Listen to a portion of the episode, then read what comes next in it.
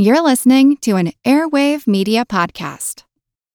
At Evernorth Health Services, we believe costs shouldn't get in the way of life changing care, and we're doing everything in our power to make it possible. Behavioral health solutions that also keep your projections at their best? It's possible. Pharmacy benefits that benefit your bottom line? It's possible. Complex specialty care that cares about your ROI? It's possible. Because we're already doing it. All while saving businesses billions. That's Wonder made possible. Learn more at evernorth.com/wonder. Hey, have you ever used Cheapo Air? For years, and I really like it. With Cheapo Air, you can book online, use their app, or even over the phone. They've got great prices on over 500 airlines and millions of accommodations. They're my go-to for travel planning. And if you join their Club Miles program, you can earn points to save on the cost of your travel. Book on the app and you get double points. Sounds like it's time I tried Cheapo Air. Call Cheapo Air at 855-247-3279 or visit cheapoair.com slash podcast. This is Kick-Ass News. I'm Ben Mathis.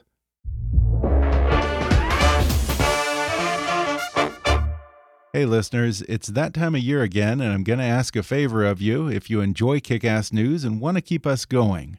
In order to support our show, we'll need the help of some great advertisers. And in order to find great advertisers, we'll need to learn a little bit more about you. So please go to podsurvey.com/kick and take a quick anonymous survey that will help us get to know you a little better. That way, we can show advertisers just how great our listeners are. Plus, once you've completed the survey, you can choose to enter for a chance to win a $100 Amazon gift card. Terms and conditions apply. Again, that's podsurvey, P-O-D-S-U-R-V-E-Y dot com slash kick. Thanks for your help, and thanks for listening. It's happened to all of us. Right before an important presentation, the printer runs out of ink. Brother Inkvestment tank printers help put a stop to this and can literally change the way you ink. With your choice of up to one or two years of ink included in box, Inkvestment Tank helps eliminate the expense and hassle of frequently buying and replacing ink cartridges. Learn more at changethewayouink.com. And now, enjoy the show. Hi, I'm Ben Mathis. Welcome to Kick Ass News. This year marks the 50th anniversary of the creation of Top Gun, the elite Navy fighter jet school made famous by Tom Cruise in the movie of the same name. And now, the founder of the program and the man known as the godfather of Top Gun, Captain Dan Pedersen, separates fact from fiction and shares the remarkable inside story of how he and eight other risk takers revolutionized the art of aerial combat in a new book titled Top Gun An American Story.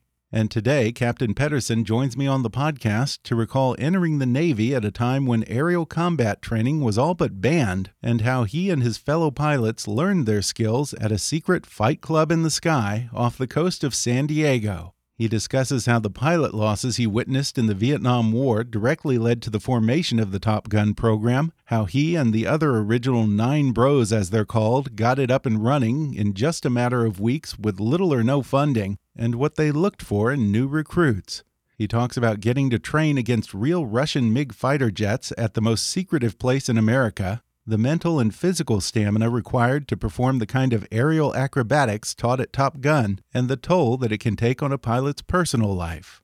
Plus, he shares what the famous movie gets wrong, he reveals the absolute worst weather to fly in, and he offers a few choice words about the Pentagon's current reliance on the costly F 35 fighter jet. Coming up with Captain Dan Pedersen in just a moment.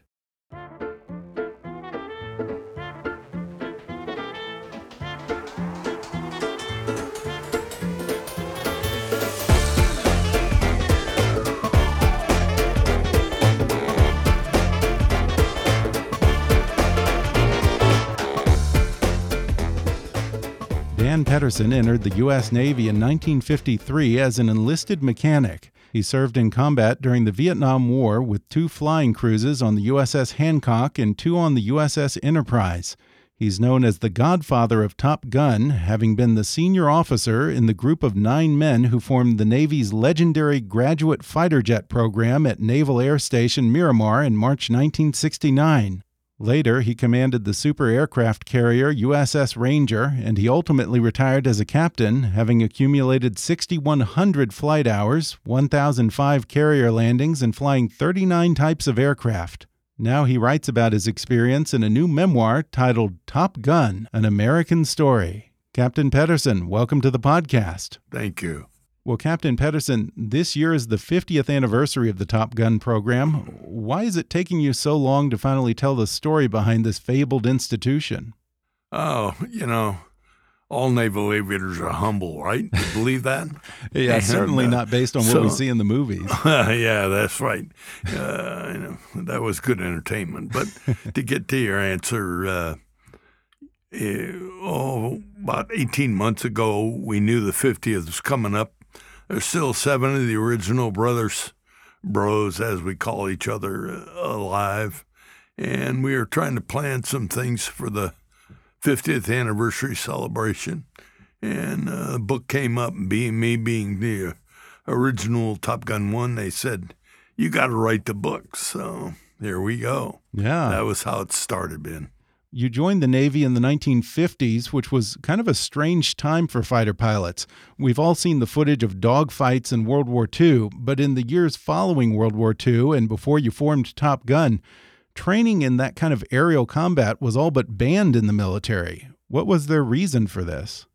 Uh, it's uh, you know expensive, dangerous, and industry almost historically in this country, always designs the airplane designs the airplanes and weapons that guys like myself have to go out and fight with, and uh, and uh, so it was the right time to go back and study a little history and learn to dogfight again, like the the great guys did in World War II. Yeah. And in fact, you talk about having to learn your skills at a secret fight club for Navy pilots off the coast of San Diego. How did you find out about this secret society and what was the protocol if you wanted to go up against another pilot? You know, it was just like a, just not a free for all because it was done safely. But there were enough guys still around who didn't like didn't like the tactics we were being forced to fly. True aviators, I call them, and they wanted to they wanted to fly like the World War II guys did. And the word spread quietly, usually at the bar. And on Friday afternoon, we'd go out there and there'd be uh, cats and dogs, essentially, of different kinds of airplanes. And they'd just get it on and practice their skills. And uh, didn't brag about it, didn't say much because you didn't want to get hung out to dry by some senior. That's the truth. And it must have been an interesting time to do that because when they were dogfighting in World War II, those were very different types of planes than the kind of jets that you guys were flying at that time. It must have been quite an adjustment to learn how to do that sort of stuff in these new jets. Uh, scale the maneuvers, scale maneuvers out geometrically is what you really do. Mm -hmm. uh, jets go faster. They operate in a, in a bigger realm, if you will, or an egg. And uh, we just took the strength of the F4 Phantom and uh, redesigned them beyond what the uh, what the builder had done with them, and uh, and it worked. Yeah. And I had had a great mentor in uh, Third Living Ace, Second World War, Gene Valencia, who was in the first fighter squadron I was ever in, and he mentored myself and a couple guys and so it was instinctive in this after being around him mm -hmm. that we really learned to dogfight. You were then deployed to Yankee Station off the coast of Vietnam just as the Vietnam War was ramping up, and you saw firsthand how unprepared American pilots were for the kind of fight that the North Vietnamese were throwing at them. What kind of problems were you seeing over there? Well, the biggest problem, and it still exists today out in Afghanistan, the government manages the rules of engagement. Mm-hmm. And, you know, this country, every once in a while, we get a leader who wants to win. And when you go in and do the kind of work we do with those airplanes, don't send anybody unless you intend to win. Yeah. And, uh, and, uh, over in, in Vietnam during that cruise you're talking about, it's in the book in detail, but eh, we weren't allowed to win. We had to the equipment didn't work quite the way it was designed to. The the war wasn't that way, and the rules engagement tied our hands. Mm-hmm. So, Yeah. So uh, too much I'm- bureaucracy, huh? Too much red tape. well, you know, so for some reason the politicians think they can fight better than we can, and uh, you know, I'd love to have had a couple of them in the back seat. Yeah. I'd take Robert McNamara and put him in the back seat of Phantom and go fly a combat mission, then bring him back aboard. He and I could land aboard the boat at night on a black night with weather. Yeah. And uh, Yeah. I'll bet you'd have to wash down that back seat afterwards. yeah, And I think you say that those early lessons in Vietnam directly led to a reassessment of America's fighter jet strategy and the formation of Top Gun. Uh, what kind of changes did that mandate call for? two things. Uh, Frank Ault, the skipper of Coral Sea, wrote an unsolicited report on why we were doing so poorly out there. Kill ratio was two to one. Wow. two of us, or uh, two of them for every one of us, would be shot down. And uh, he uh, he prescribed that we start a graduate school, really a get well program. Minimum amount of time, 90 days, come up with a new curriculum, correct the mistakes that we were making out there, and uh, identify those, and the weapons reliability of, of what we were carrying on the airplane uh, they didn't work very well. So our weapons were weak, our tactics were weak, and the beautiful Phantom, which was a great airplane once we got it, once we got it trained, if you will, didn't come with a gun from the manufacturer. and, the, and, and the gun, the Gatling gun, is still a weapon of choice for anybody that flies in combat. Really? That Yeah. surprises me. Why is that? Oh, it make you think. You have you seen the pictures and the videos of of one of those Gatling guns? You shoot six thousand rounds a minute. If somebody's got one of those and he's about to get on your tail, you are going to sweat, and you're going to do something good. Yeah. So Well, Dan, you kind of lucked out because you just happened to be the guy who was around when this mandate came down and you got put in charge of the whole program, huh? yeah, you're right. Yeah, big question mark at the time. You know. Yeah. In those early days, did anyone think Top Gun might become the institution that it is today? Perhaps even including No, yourself. No. Yeah. Absolutely.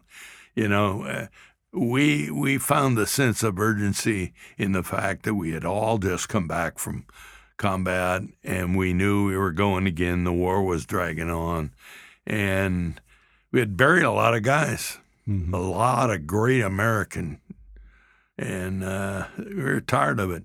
And the airlines were hiring, and uh, there were a lot of question marks. You know, and the wives were pushing hard for us to get out, and uh, being patriotic. Most of the guys that fly for a living are truly Americans, and uh, we stayed in and we changed it. Yeah. And I think you mentioned you only had, I think, three months to get it up and running and little to no funding. And needless to say, I won't give anything away, but uh, you guys kind of came up with equipment in the classroom and everything by hook or by crook, however you Oh needed yeah, to. well, they were very to say it, resourceful, let's say that. Yeah, one of one of my guys, probably my one of my best friends of the original eight in in life's work. Uh, he's a he, he would have been convicted as a felon. You know, I mean, he stole a building, he traded the building, uh, and he got a guy with a big crane to move this forty foot long by twenty foot wide building.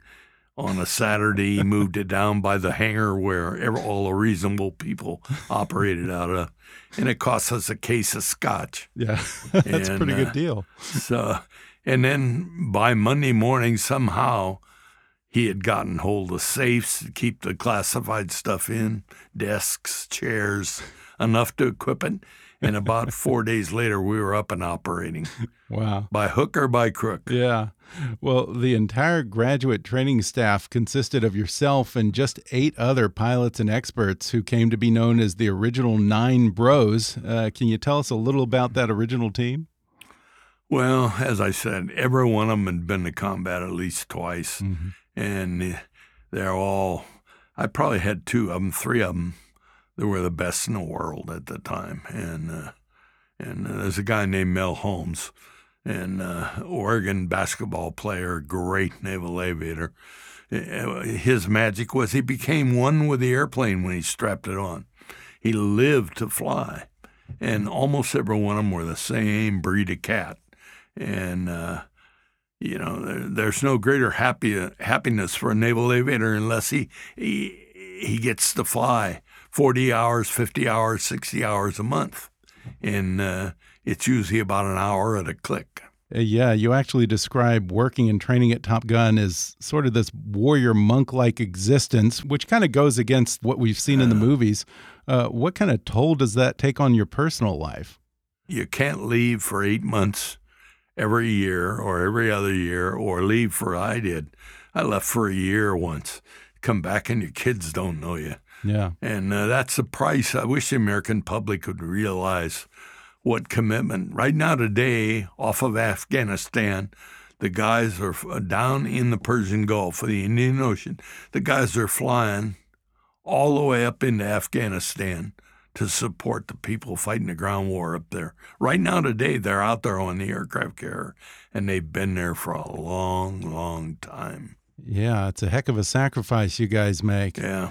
I'm curious, where did the name Top Gun come from? I get asked that a lot, and uh, I, you know, it just popped in my head one day. Uh, there had been a Top Gun uh, Navy uh, gunnery school down in Fowler in uh, El Centro, California, but it had been disbanded a couple of years before. So, and the carrier I ultimately commanded, and a few years later was called Top Gun of the Pacific Fleet. That was Ranger. So I, I thought, man, we got to have a nickname. Can't run around all day and step on your tongue saying Navy Fighter Weapons School, you know. and uh, so we, we we we all sat at the bar one night and agreed on mm-hmm. agreed on Top Gun. Yeah, and we talked a little bit about the bureaucracy and the red tape you had to deal with. Um, I want to say when you formed Top Gun, your commanding officer told you something like, "Don't lose any planes and don't get anyone killed." Now, to me, yeah. that sounds like kind of a paradox right there because here you are, you're tasked with training elite fighter pilots. You have to build risk into that process to simulate a real dogfight, or else you're going to end up sending them into combat unprepared, right? Yeah, you have a great understanding of what we're talking about. And, uh, you know, that's the only guidance I got. I didn't get any paperwork. I didn't get any written instructions, no warranties, you know. Here's nine young guys. I was 32 years old. The youngest one was a guy called Condor, and uh, he was 22.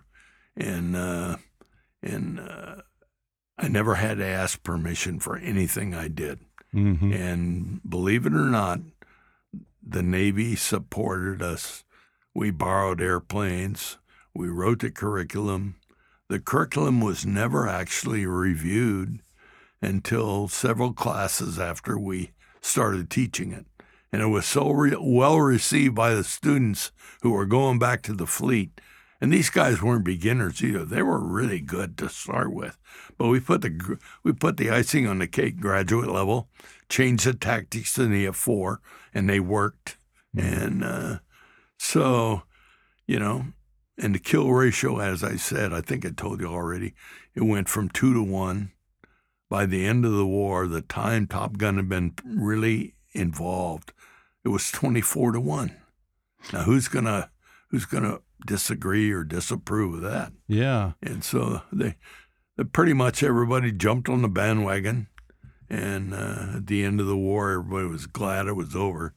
It was a miserable war. Never fight a war you don't intend to win. Yeah. And uh, and that was the case. I talk about it extensively in the book.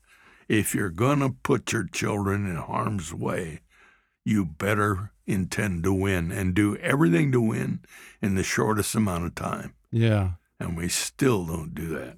Too much diplomacy, too much policy. Yeah, and so. it's interesting that Top Gun was both born out of the Vietnam War in the early days and later had a significant impact on how successful those aerial missions were at the end of the war.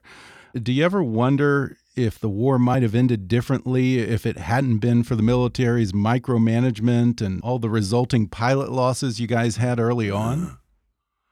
Yeah, you know, I, I'm not sure I got the energy to write another book, but but the the geopolitics of how we fight, we never truly study the culture we're up against Mhm. or the country's history. We're just not good students of history as a country. Yeah. And I think we could do that.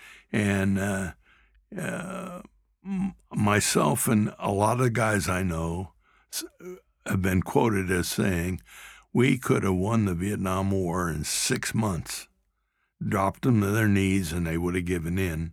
Had we been turned loose, you know, uh, take the leash off hmm and uh, let us do what we're professionally good at. But uh, that McNamara wouldn't do that, and Yeah. neither would LBJ. And what kind of things did you look for in the pilots that you recruited to Top Gun? Uh, just uh, I looked at their experience in the air. Everybody in everybody in naval aviation ends up with a uh, reputation within the system. Guys are known for strength, weakness. hmm They got to be able to teach. My guys had to be able to teach at a graduate level and teach some very fine students and get them to believe how to do it differently than we had been taught for years. So Yeah. these guys are just. Sometimes I wonder how it all came together. And that's not just me, that's the original bros. We've talked about it.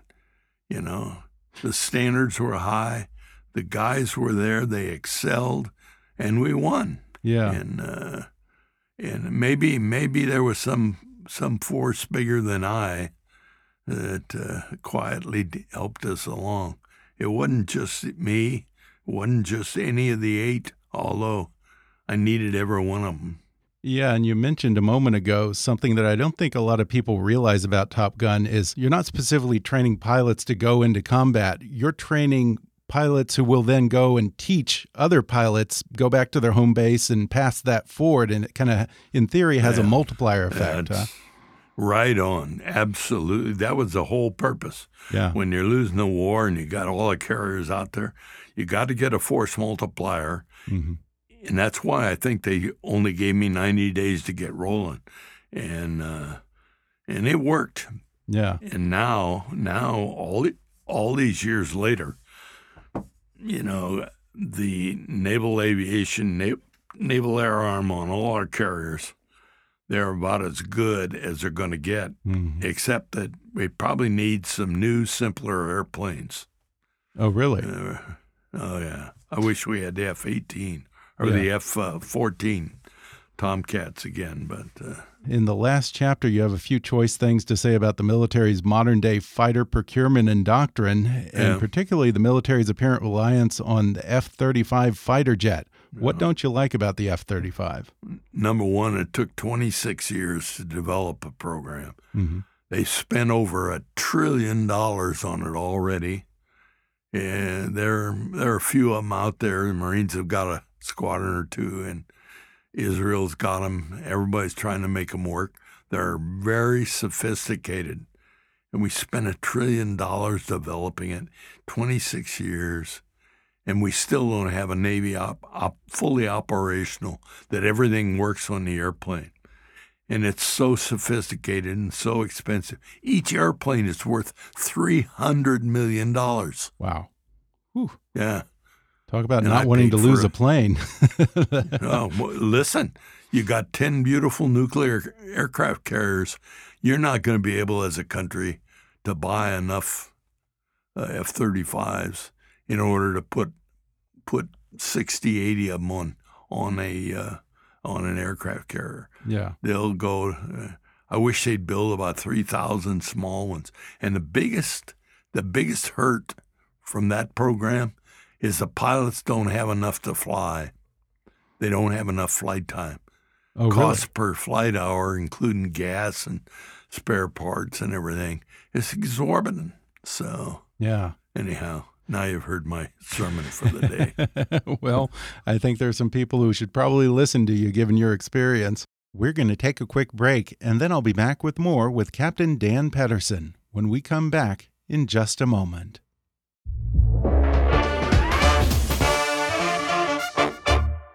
If there's something interfering with your happiness or preventing you from achieving your goals, BetterHelp Online Counseling can help. BetterHelp offers licensed professional counselors who are specialized in issues such as depression, anxiety, relationships, trauma, anger, family conflicts, LGBT matters, grief, self esteem, and more. Connect with your professional counselor in a safe and private online environment and get help at your own time and at your own pace. Anything you share is confidential. And it's so convenient you can schedule secure video or phone sessions as well as chat and text with your therapist. If for some reason you're not happy with your counselor, though, you can request a new one at any time for no additional charge. Best of all, it's a truly affordable option. Kickass News listeners even get 10% off your first month with the discount code KICK. So why not get started today? Go to betterhelp.com/kick. Then simply fill out a questionnaire to help them assess your needs and get matched with a counselor you'll love. That's betterhelp.com/kick. One more time, betterhelp.com/kick. And now, back to the show. What was the most important lesson that you tried to instill in your pilots at Top Gun? Oh, you take care of each other. You know, mm-hmm. that's something, you know, the movie didn't do a very good job of. They had them in open competition. The guys never, even today, are not that way. It's the greatest fraternity or brotherhood you could ever. When you take off, you ever watch them on videos and TV? They always mm-hmm. take off in pairs.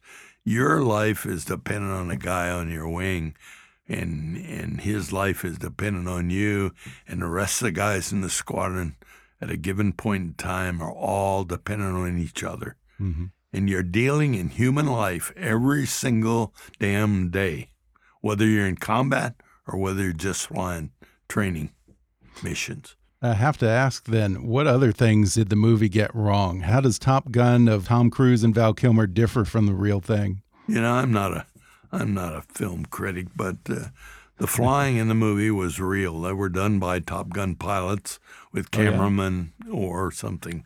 Uh, flying was very real. I love the music of the of it, and uh, but the portrayal of Maverick and Iceman and Hollywood and all the all the you know backbiting, if you will, and jealousy and competition that never existed you mm-hmm. know, we had a you have a living you have a living obligation when you fly for the Navy to take it. There's nothing worse than losing your wingman. Yeah. Particularly if he's a young one. Mm-hmm. And that happened. That's a real world. Yeah. And, How about uh, all the so, skirt chasing? Oh, it helped uh, enlistments. The Navy had applications, 300% more than they needed. Oh, really? Applications to flight training. Yeah. Did you guys have any input in the movie as consultants or anything?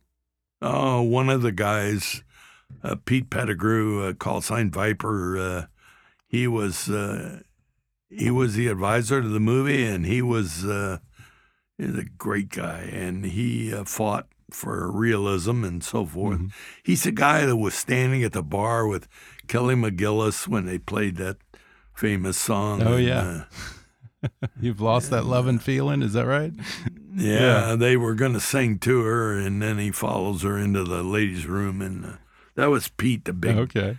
Big, uh, good-looking guy by Kelly yeah. in the movie. But uh, I don't say anything bad about the yeah. movie, really. how about the sequel coming up next year? Do you guys have any involvement with that? The Navy, current Navy, I'm retired, but the current Navy has a a couple fleet guys, one top gunner uh, being the advisor on it, mm-hmm. and uh, I'm not privy to I'm not privy to why it was delayed. Probably disagreements. Uh, yeah. Hollywood's different, yeah. and uh, they're the ones that funding it. And they want to they want to fly, and the only thing we always defend, and uh, even through the network of guys that are, you know, 50 years of following the school, when you finish, you love it. Yeah, and you're part of you're part of it forever. And uh, sounds like it. They make their they make their opinions known. Yeah, in most cases. Yeah, it sounds like you still keep in touch with the original nine bros. Are they all alive, or I think most of them are still around, right? No. S- seven and nine, cancer got to them. Oh gosh. And, uh, pardon me. And, uh, in fact, I'm going up there when I leave New York City here in a couple of days. I'm going back up Top Gun, have a little board meeting with everybody, see how the boys are doing.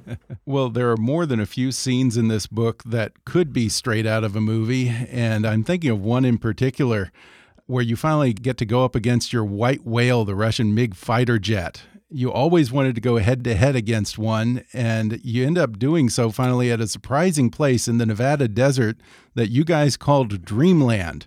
But that location is probably better known to my listeners by what name? Uh, Dreamland, Area 51. It was home to some MiGs that we had gotten our hands Yeah. on. Uh, and I, I actually went up there for a week, and Mel Holmes and I went up and we flew the MiGs. So that way we validated the tactics, the new tactics for the Phantom we came up with. We flew them. And then the graduating class, the first class we graduated with the new uh, with the new tactics and so forth.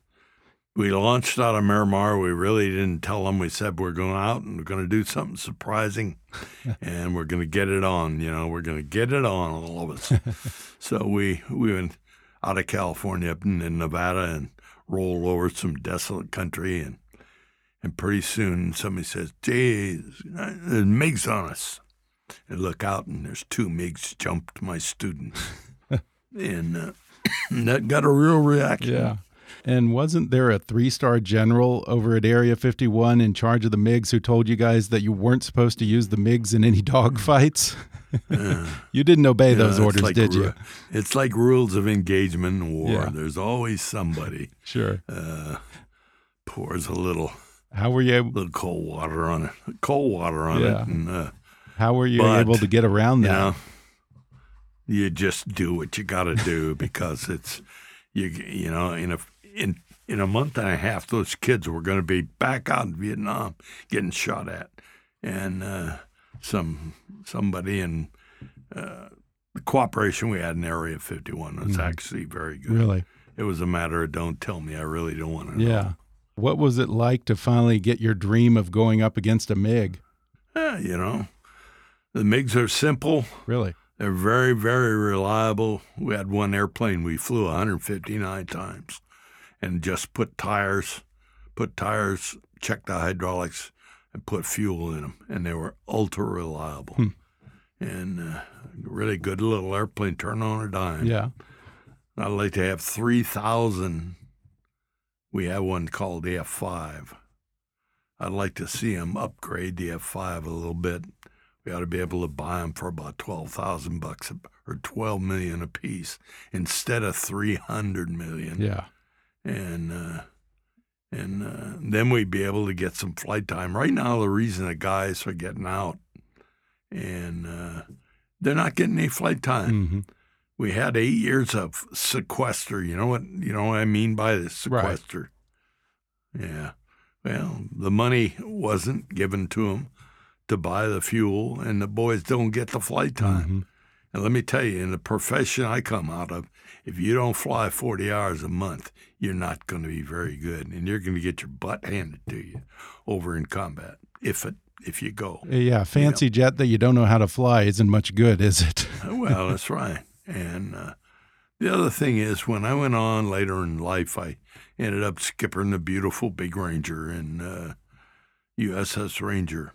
I had five. I had a crew of probably on a given day 5,200, 5,400 on board. They come and they go. But what do you think the average age of that crew was? 25, 22? How about 19 and a half? Oh, wow. Now, that's not to say a lot of them were, some of them were chiefs, first class petty officers, second class petty officers, who were maintainers of the airplanes and were pretty good, really good at it. But we were constantly training the young ones. Mhm. And uh, used to call it boys' camp, you know. Wow. It just, Yeah. you never get, never get finished training because they come and they go and uh, and now you're talking about taking a a three hundred million dollar airplane and letting the nineteen year olds learn how to maintain it. they're doing pretty well with it uh, with contract maintenance done by some industry group, but uh, Yeah. not enough of them, and they don't get enough flight time. Yeah. So anyhow, And when you commanded the USS Ranger off the coast of Vietnam, you were there for the fall of South Vietnam, and apparently you aided in the rescue of many Vietnamese boat people who were escaping the communists. Uh, how heart wrenching was that experience? uh, it's just uh, I picked up 140 of them one day in the South China Sea. Sheesh. I've been out for just about six months in the Indian Ocean and was headed to the Philippines and then home. And uh, one Sunday morning, I come across the, I had two A6 aircraft in the air just to stretch their legs and exercise the airplanes. And, and they found this little boat. The boat was about uh, 25, 28 feet long. and It had 140 people on it and uh, they'd had five of them die. They had been at sea for three weeks. Anyhow, long story short, rescued them and uh, took them to the Philippines, and they immig- integrated into. Some of them came to America. Fifteen years later, I get a call from a young guy going to college. It's the youngest of a family of six that I rescued who remembered the number 61 on the Ranger and wanted to meet me and thank me. No kidding. And long story now, that family, all of them, are college educated, very close personal friends of mine. I love those people. And uh, the one who came to me, uh, I met him on ABC on a Good Morning America, wanted us to meet, and for the first time. So, as a grown up, and I went and spoke at his college graduation. I, I commissioned him in the Army as an officer, and right now he's a colonel in Japan in the U.S. Army That's incredible. and doing. Nah, that's that's America. Yeah, you must be very proud of him. Yeah. Oh, I love them. They're great people. Before we move on, I just have to ask: uh, Did you dogfight any UFOs when you were at Area 51? No, no, no, no. You're not, you're not going to give me. No? in- Or you Yeah, can't talk about no. it if you did. A lot of magic things go on there at night, and and for a reason they're held Yeah. very close. So, Area 51, we were just lucky to get to fly there, and uh, we learned a lot in very Yeah. short order. Whether you're fighting MiGs or UFOs, when you're performing the kind of maneuvers that are taught at Top Gun, uh, I have to imagine the G forces and the disorientation are pretty hard on a pilot. Uh, what level of physical and mental stamina does it take? You know, we played. Uh, we'd fly twice a day, and I'd go play racquetball with Steve Smith. That's in the book. Really? He's a world class racquetball player, and we'd do that to unwind, and then go have a beer at the club, and we'd debrief the day's work, all the guys, and that's the routine. Worked them seven days a week.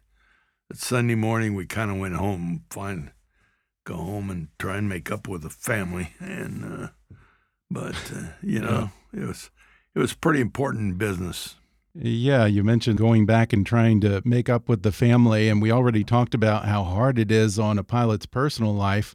But according to the book, it sounds like it worked out all right for you in the end. Uh, eventually, your love story had a happy ending. Do you Oh, want to yeah. tell us about that? she's here in new york with me that's my soulmate met her on her 14th birthday due to an error i made she married her college football player friend i didn't see her for 32 years and then i had a valley in my life and i just by the grace of god met her again and she was alone and i was alone that's 27 years ago and i haven't looked back boy have we you. had a good life together Well, you So- sound like you're both very happy. God's been good to us. We live in the greatest country in the world, and uh, I just wish everybody would end up being that happy as we Mhm. are. Well, Dan, I want to wind down by asking you about the state of Top Gun today. I I have to wonder, with the military's increased reliance on unmanned drones, do you worry that fighter jets might be relegated to a minor role in combat strategy or even entering a new dark age similar to what you experienced when you first became a pilot back in the 50s? You know, if we were left to the people involved in the aircraft and weapons procurement, we probably would get keep running costs up and be more and more sophisticated because that's how you make money in that business. Mm-hmm. That isn't how you fight the war necessarily. And it's well intended, but it's run and staffed by people who don't have combat experience. Mhm. And, uh, you know, uh, one of the quotes I use a lot when I'm doing speaking is it only takes one bullet to get you down. One bullet in the right place will, will put you on the ground, hopefully.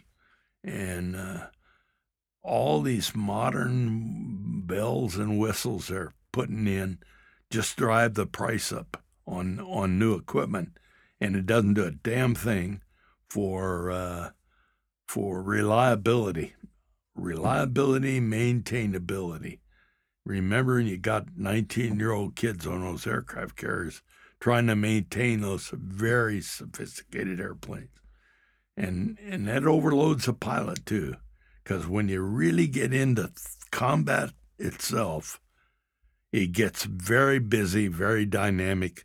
People shooting missiles at you, triple area guns, cannons from the ground, and uh, and then you throw a few MiGs in the in in the mixture. I actually have been up on a strike with 30 airplanes, 30 Navy airplanes, and had 15 missiles shot at us, and constant barrage of uh, AAA, and uh, and uh, you know you get out of that, you're lucky. And, Yeah. uh, all you don't have time to look in the cockpit and work with all these whiz bang things they're putting in the airplanes. Yeah. I go back. I go back to simpl- simplicity. Really. I am a big advocate. You give me a gun and a leading edge gun sight, uh, lead computing gun sight, and a gun and an airplane that'll turn that I that my country can afford for me to fly and train with, and I'll take on anybody in the world today. yeah. Bring on, bring on their fifth generation fighters. Yeah. I'm not a bit afraid of it. Yeah. I'm 83. Speaking of going up there in difficult conditions, uh, what's the worst weather to fly in? We went out in a blizzard, had to have two guys help us, one under each arm, put us in the cockpit. The airplanes were on the catapult, strapped down, chained down, so we didn't have to taxi on the icy deck of Enterprise. And uh, they shot us off. I couldn't even see the bow in the snow. Oh my they shot god. us each, shot the two of us off, and we went up for two hours. And I followed the skipper around in radar trail, locked on him, and followed him around up there.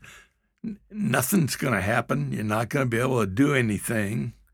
And two hours later, uh, they bring us back down. Well, skipper goes by, comes down, instrument approach to the carrier, and uh, the landing signal officer says to him, You sounded good when you went by me. He said, You were perfect. And he said, I couldn't see a thing. He said, We never saw you either. And so he pulls up and goes around again, and I come down and I don't see anything. And you know, you, you can run those big machines out of fuel doing that. yeah. So yeah. it come around and we're both on the same frequency and I'm listening to him. He comes around for another approach and being the kind of great, great leader he was, he decides he's going down with his lights on. This is at night. He goes down and he finds the wake of the big carrier. You know, that's that's 60, 80 feet wide of churning white water. And it goes for a couple miles behind the ship. So he goes down, the belly lights off his airplane, lights the white. He lines up perfectly on that wake and stayed on the wake. And uh, the LSOs told him to cut his engines. So he pulls his engines off and boom, he lands and gets a wire. The next Wow. thing out of the guy's mouth is he calls me. He said, Dell, he said, go down as low as you can, stay on the wake, find the wake, stay on the wake. And I did. I came around and essentially did about what he did. And uh, I got a wire on that pass. And I That's had pretty incredible. I had I had no more fuel. I could not have done that again, and uh, that's why we call pucker factor. So I love it. yeah, but when it when it's over, when it's over, and you're having a hot cup of coffee down in the ready Mm-hmm. room, who cares? You know, just another day. Oy, oy, oy. Well, real quickly before we go, I just have Sure. to ask what's the best part of being up there in a fighter jet? Oh, the beauty, hmm the absolute beauty of flying. Most days at altitude, you know, I've been at 50,000 feet over California at night, and I could see every major city about Christmas time. Just absolute. That's that's me personally. I just love the beauty of flying, Yeah. and uh, I was very comfortable doing it all my life. Well, hopefully, you'll inspire some more pilots with this great book. It's called Top Gun An American Story. Captain Dan Pedersen, thanks so much for your service and thanks for taking time to chat with me. I hope it reaches a lot of kids in high school right now. Absolutely. and uh, they study hard, get some grades, and some courage, and try on naval aviation. It's really a man's man's business, and it's very very satisfying. I loved it.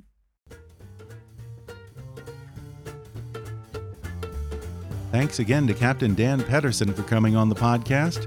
Get his book, Top Gun An American Story, on Amazon, Audible, or wherever books are sold. Whatever struggles you're facing, from depression and anxiety to trauma and grief, BetterHelp can connect you with a professional counselor in a safe and private online environment. It's so convenient you can schedule secure video or phone sessions as well as chat and text with your therapist. And anything you share is completely confidential. Best of all, it's a truly affordable option.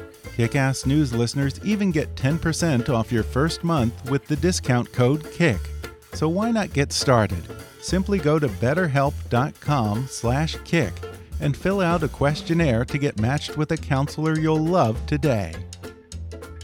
Be sure to subscribe to Kickass News on Apple Podcasts if you haven't already. And if you like what you're hearing, then rate and review us while you're there.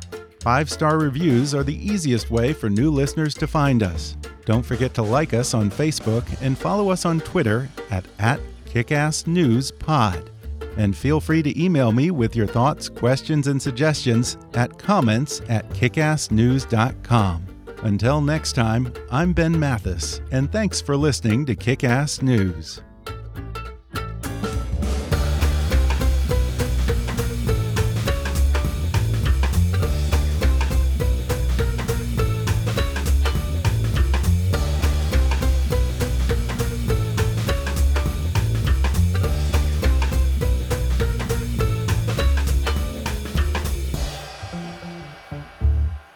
Ass News is a trademark of Mathis Entertainment, Inc.